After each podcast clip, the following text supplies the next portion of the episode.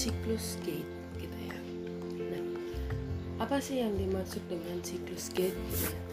Jadi siklus gate itu merupakan suatu siklus ketika seseorang berjalan. Jadi pada saat kita berjalan ya atau pada saat siklus gate itu ada dua bagian. Ada dua ada dua bagian. Yang pertama adalah stance atau saat kita berdiri yaitu di mana posisi kaki kita itu mengenai landasan gitu ya. Dan ada uh, bagian swing di mana kaki kita tidak um, tidak ada kontak dengan landasan gitu ya. Jadi pada saat melangkah itu ada dua bisa dibilang dua fase, fase stance dan swing. Jadi ketika kaki napak tanah dan ketika kaki nggak napak tanah gitu. Siklus gate sendiri itu uh, dia terbagi 8 fase ya. Mulai dari initial contact, terus loading response, middle stance, terminal stance, terus pre swing, initial swing, mid, mid swing, terus uh, terminal swing gitu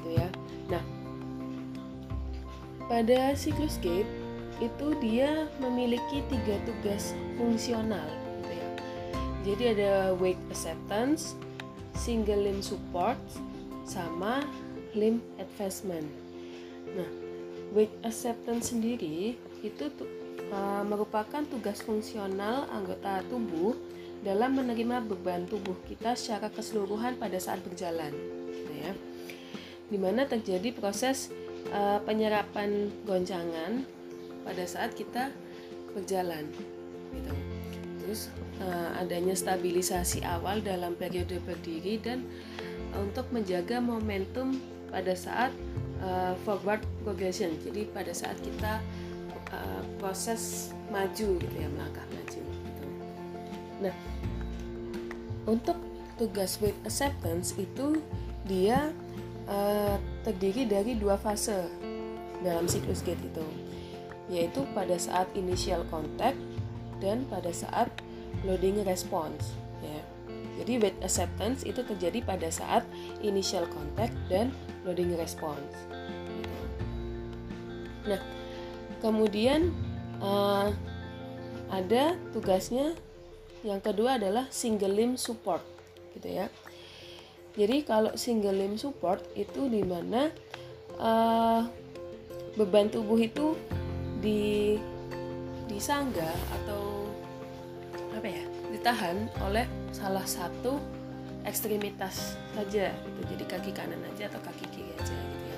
Nah untuk tugas single limb support itu dia terjadi pada saat mid stance dan fase terminal stance gitu ya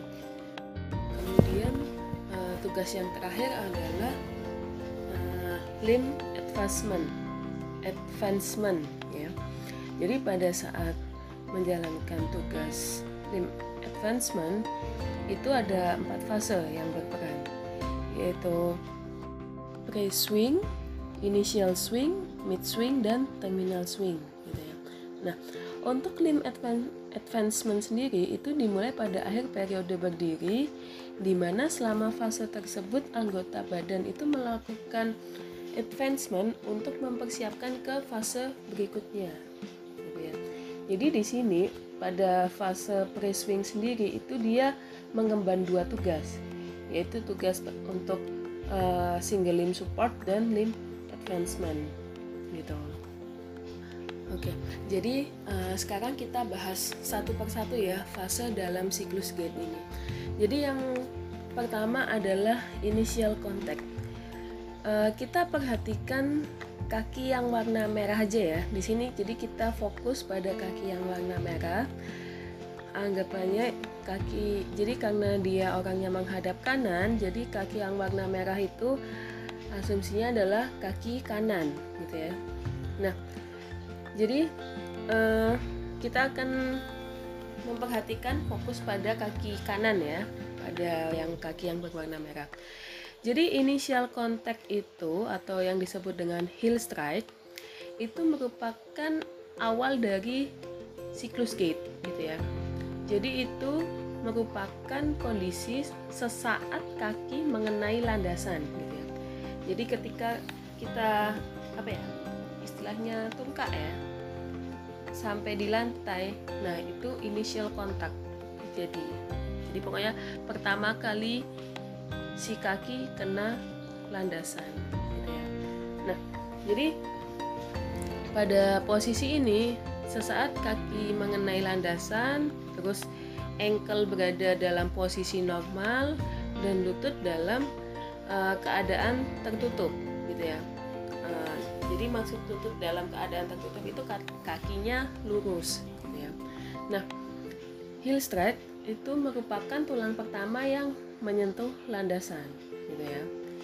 Nah, pada fase ini itu kaki kanan yang berperan terlebih dulu, sedangkan kaki warna biru masih dalam fase yang terakhir dalam gate apa dalam siklus gate gitu ya.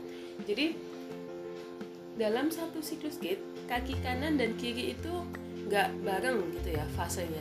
Jadi ketika kaki kanan initial contact ya itu kaki kiri dia pada fase terminal swing jadi saat kaki kanan baru masuk siklus gate nah kaki kiri itu baru apa nyampe di siklus gate siklus gate fase terakhir gitu. jadi dia gantian nah jadi uh, kalau dari gambar ini itu kita bisa tahu bahwa yang posisi pinggulnya ya itu dia tertekuk kemudian lututnya uh, apa diperpanjang dalam artian dia nggak ada tekukan gitu ya. Jadi kakinya lurus dan pergelangan kaki uh, pada posisi dorsifleksi gitu. Nah kemudian setelah initial contact maka masuk ke fase fase loading response gitu ya pada fase loading respon ini, itu kaki melakukan kontak sepenuhnya dengan landasan dalam keadaan rata. Makanya dia disebut dengan foot flat, gitu ya. Jadi semua apa bagian telapak kaki dia menyentuh landasan.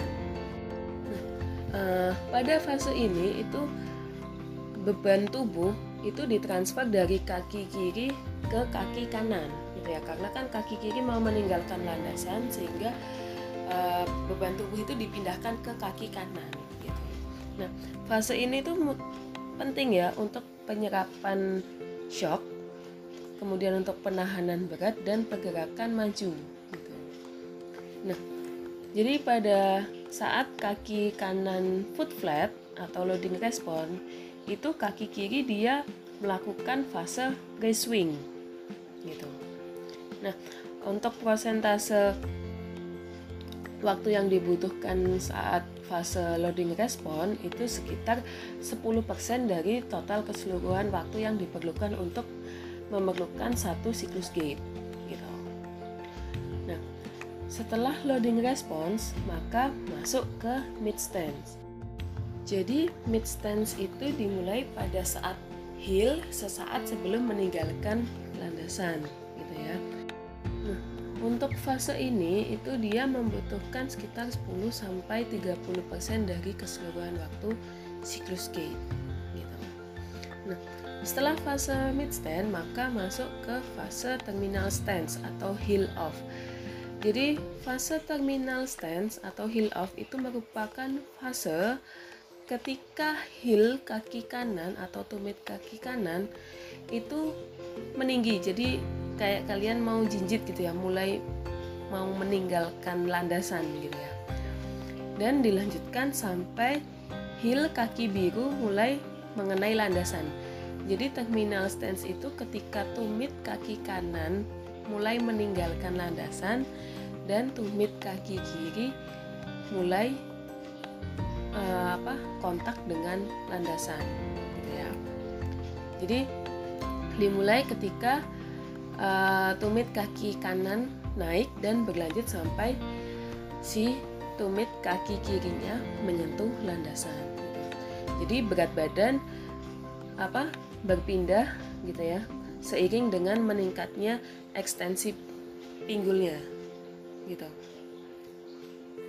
nah uh, untuk fase ini dia memakan waktu sekitar 30 sampai 50 dari siklus gate keseluruhan gitu. Kemudian setelah terminal stance maka masuk ke pre-swing gitu ya.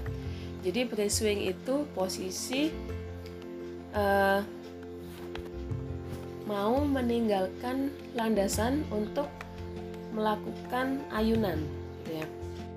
Nah, ketika kaki kiri kontak dengan landasan maka menyebabkan kaki kanan itu dia uh, apa ya meningkatkan fleksi lantar di pergelangan kaki dan fleksi lutut gitu ya. kemudian uh, ekstensi pinggul menurun waktu berlangsungnya untuk fase pre-swing itu adalah 50 sampai 62% dari uh, waktu yang diperlukan untuk satu siklus gate gitu ya.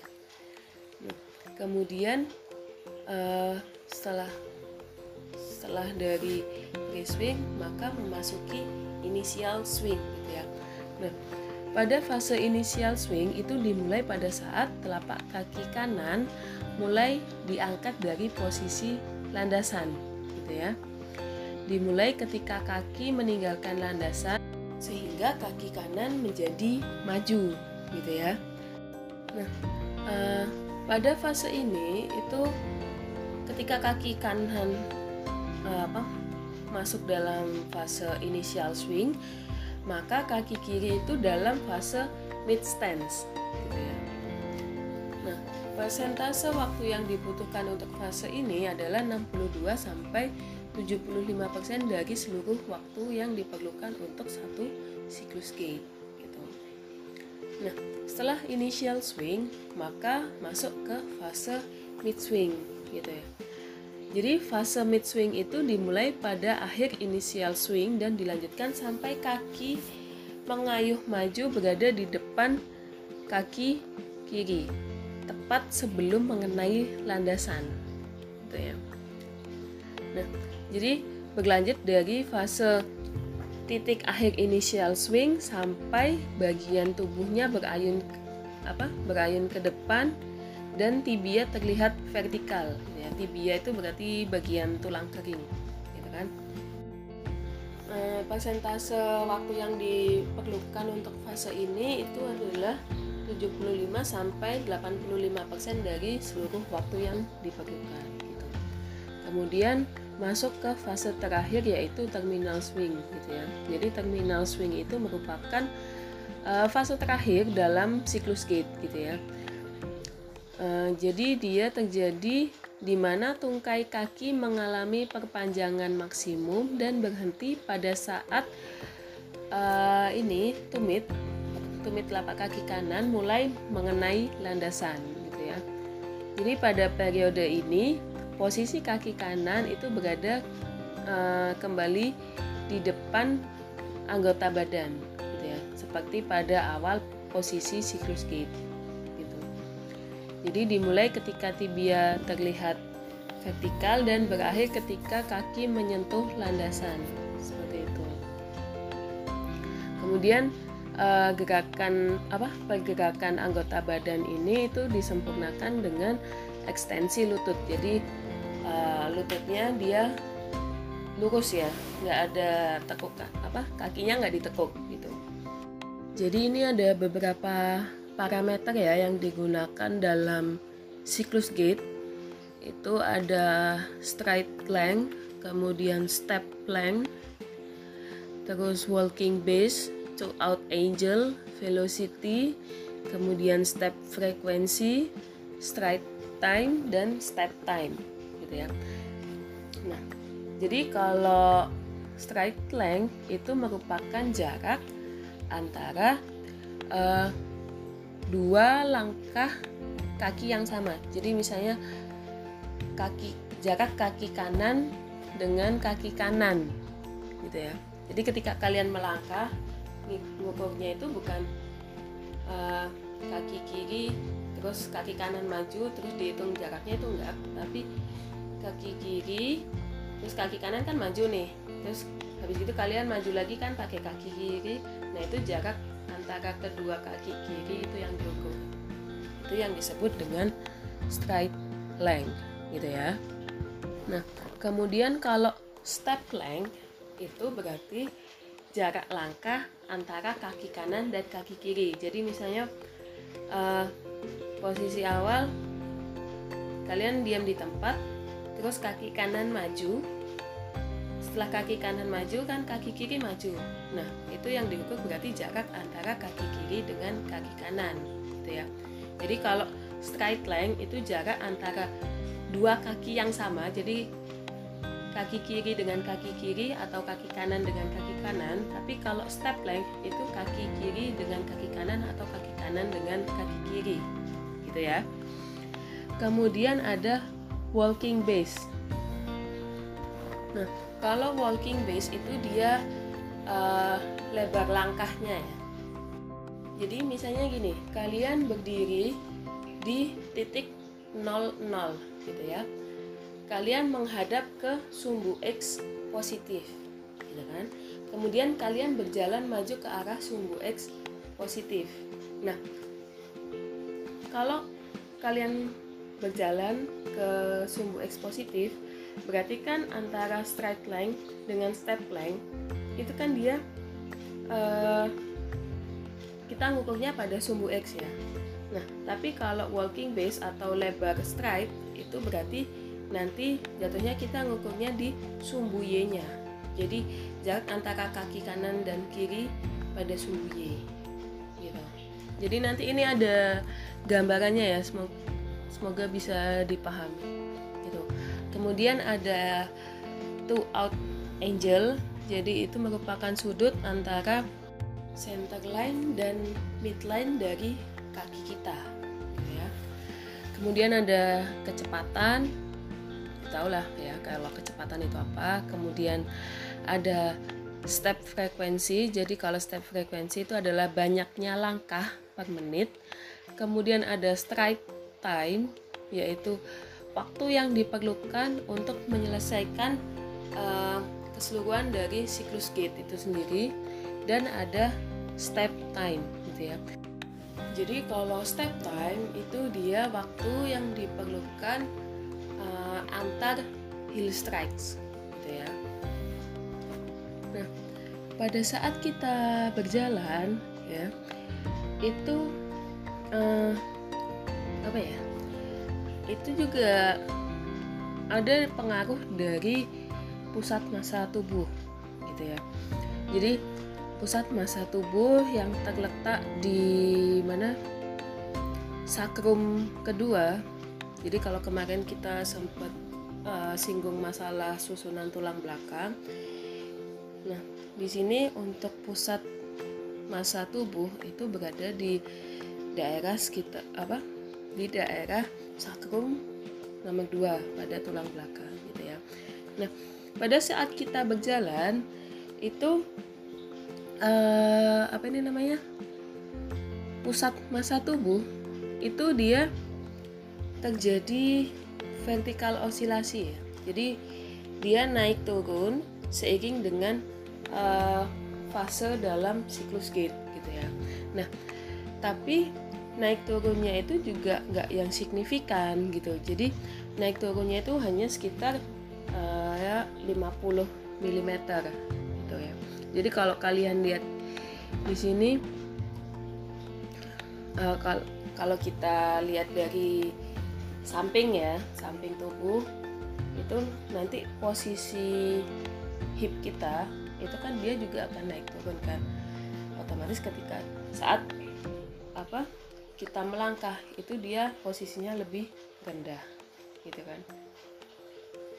Gitu. jadi dia naik turun sekitar uh, 50 mm gitu. Jadi uh, puncak dari pusat apa ya pusat massa tubuh tertinggi itu berada saat fase mid stance gitu ya. Jadi paling tinggi saat mid stand dan paling rendah saat uh, dual support itu tadi fase dual support jadi ketika kita melangkah. Jadi di sini ada gambarannya gitu ya. Nah, dalam melakukan analisis siklus gait itu ada dua hal ya yang bisa diamati. Jadi ada kinematika dan ada kinetika gitu ya. Jadi kalau kinematika itu dia hanya mengabarkan hanya menggambarkan gerakan dari sebuah benda gitu ya tanpa menyebab apa tanpa mempertimbangkan penyebab gerak apa penyebab gerakannya itu apa gitu ya. Jadi kalau kinematika itu seperti perpindahan kecepatan percepatan itu kinematika.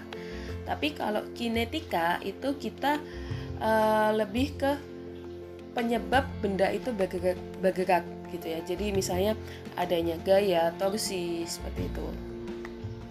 Jadi kalau di siklus gate pada saat kita berjalan itu nanti kita bisa analisis dari uh, ini gaya apa ya reaksi ya ground reaction force.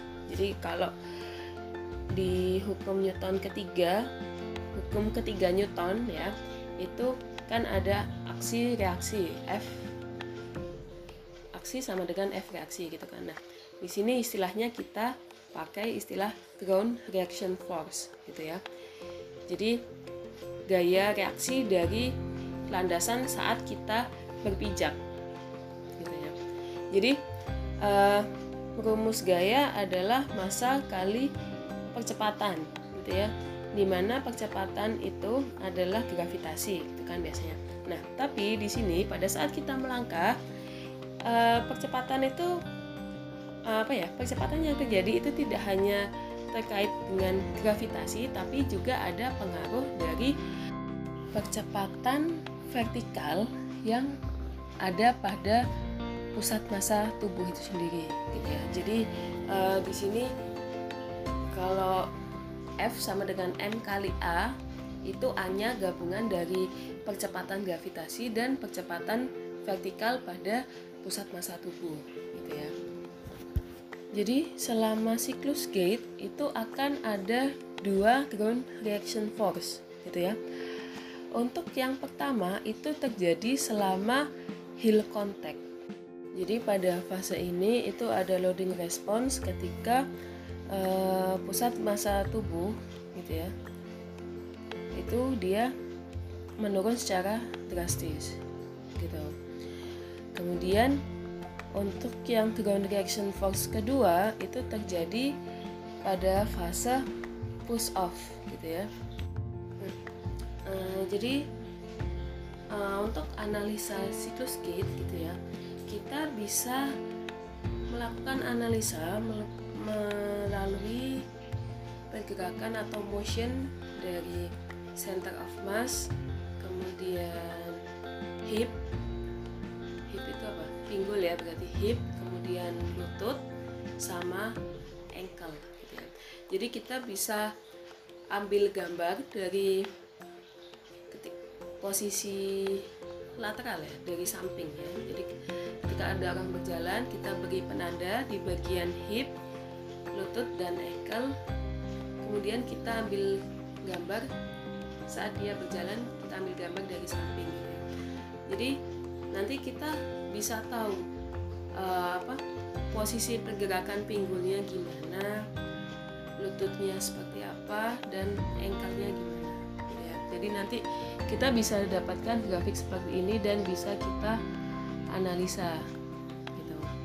Jadi ini contohnya uh, jadi awalnya orang berjalan kita beri tanda di bagian hip knee dan ankle. Kemudian kita ambil video saat orang itu berjalan kita ambil video dari samping. Kemudian dari video itu kita fragmentasi jadi citra eh apa? Jadi gambar gitu ya. Jadi dari video video kan merupakan kumpulan gambar yang bergerak gitu kan video diekstrak jadi gambar.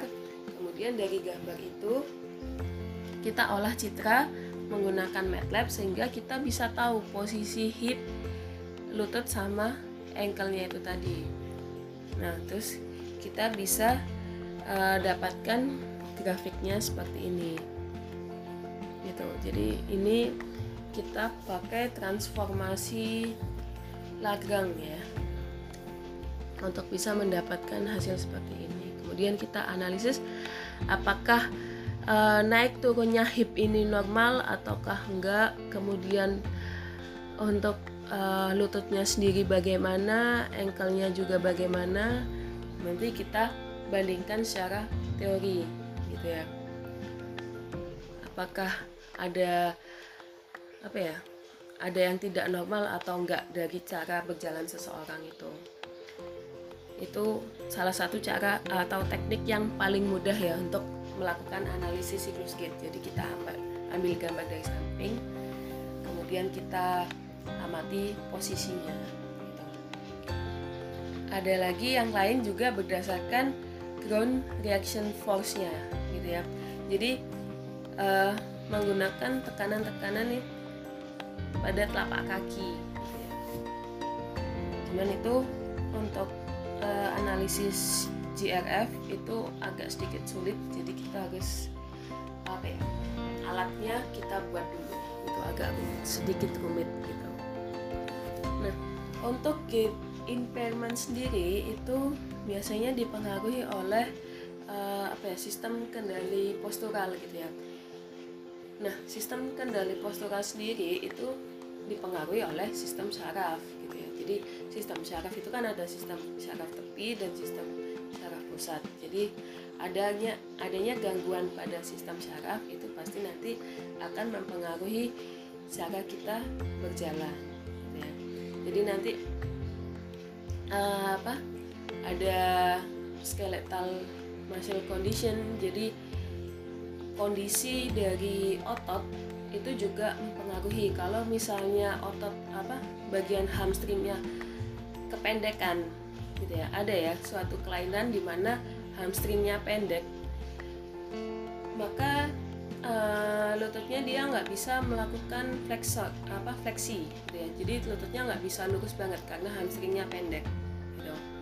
Jadi nanti uh, cara berjalannya juga akan berbeda dengan orang normal kemudian ada peripheral neuropati gitu terus ada vestibular deficit ada stroke ada cerebellar disease ada Parkinson disease. Ini kalau kalian mau tahu bisa dicari satu-satu cari sendiri gitu ya. Nah ini ada gambarannya. Jadi misalnya orang kena polio terus kaki X itu cara jalannya juga beda gitu ya. Nah uh, adanya uh, tidak normalan terkait dengan siklus gate ya itu bisa diatasi dengan uh, apa ya penggunaan ortosis ya. Cuman tergantung lagi dari tingkat keparahannya dan uh, permasalahannya ada di mana ya. Jadi di sini saya ambil contoh terkait dengan uh, penggunaan AVO ya. Jadi kalau uh, materi sebelumnya kita kan bahas prostesis ortosis sempat nyinggung sedikit tentang AVO jadi AVO itu dia ankle foot ortosis gitu ya. Dari namanya ankle foot udah pasti itu ortosis dipakai untuk ankle yang bermasalah gitu ya.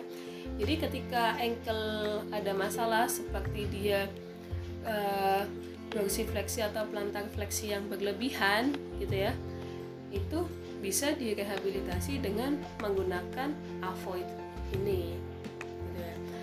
kemudian juga uh, untuk penggunaan kostesis ya kostesis yang dipakai di ekstremitas bawah jadi untuk menggantikan kaki yang ketika orang mengalami amputasi transfemoral ya terus dia menggunakan prostesis nah kebanyakan uh, permasalahannya meskipun sudah dibuatkan prostesis dan dia bisa berjalan dengan menggunakan dua kaki tapi uh, siklus gait antara kaki kanan dengan kaki kirinya itu berbeda gitu ya. Jadi uh, permasalahannya itu karena ketika dia menggunakan prostesis itu untuk proses apa ya proses swingnya. Jadi untuk mengayunkan kaki prostesisnya itu dia memanfaatkan tenaga yang ada di paha kan? Jadi dia kayak nendang gitu pakai kaki apa ya jadi kayak ibaratnya kalian nendang gitu loh. Jadi nanti kaki prostesisnya itu bisa biar bisa lurus terus ditakkan di mana? Di landasan gitu. Jadi uh, itu yang jadi masalah sih ya memang mereka jadi bisa jalan oke okay. cuman apa ya masih belum bisa seimbang gitu loh langkahnya gitu jadi beban masih apa ya beban tubuh itu masih dibebankan pada kaki yang normal seperti oke saya rasa cukup untuk materi kali ini. Jika ada yang ingin ditanyakan silahkan gitu ya. Langsung aja ditanyakan. Tetap sehat tetap semangat dan semoga pandemi ini segera berakhir. Terima kasih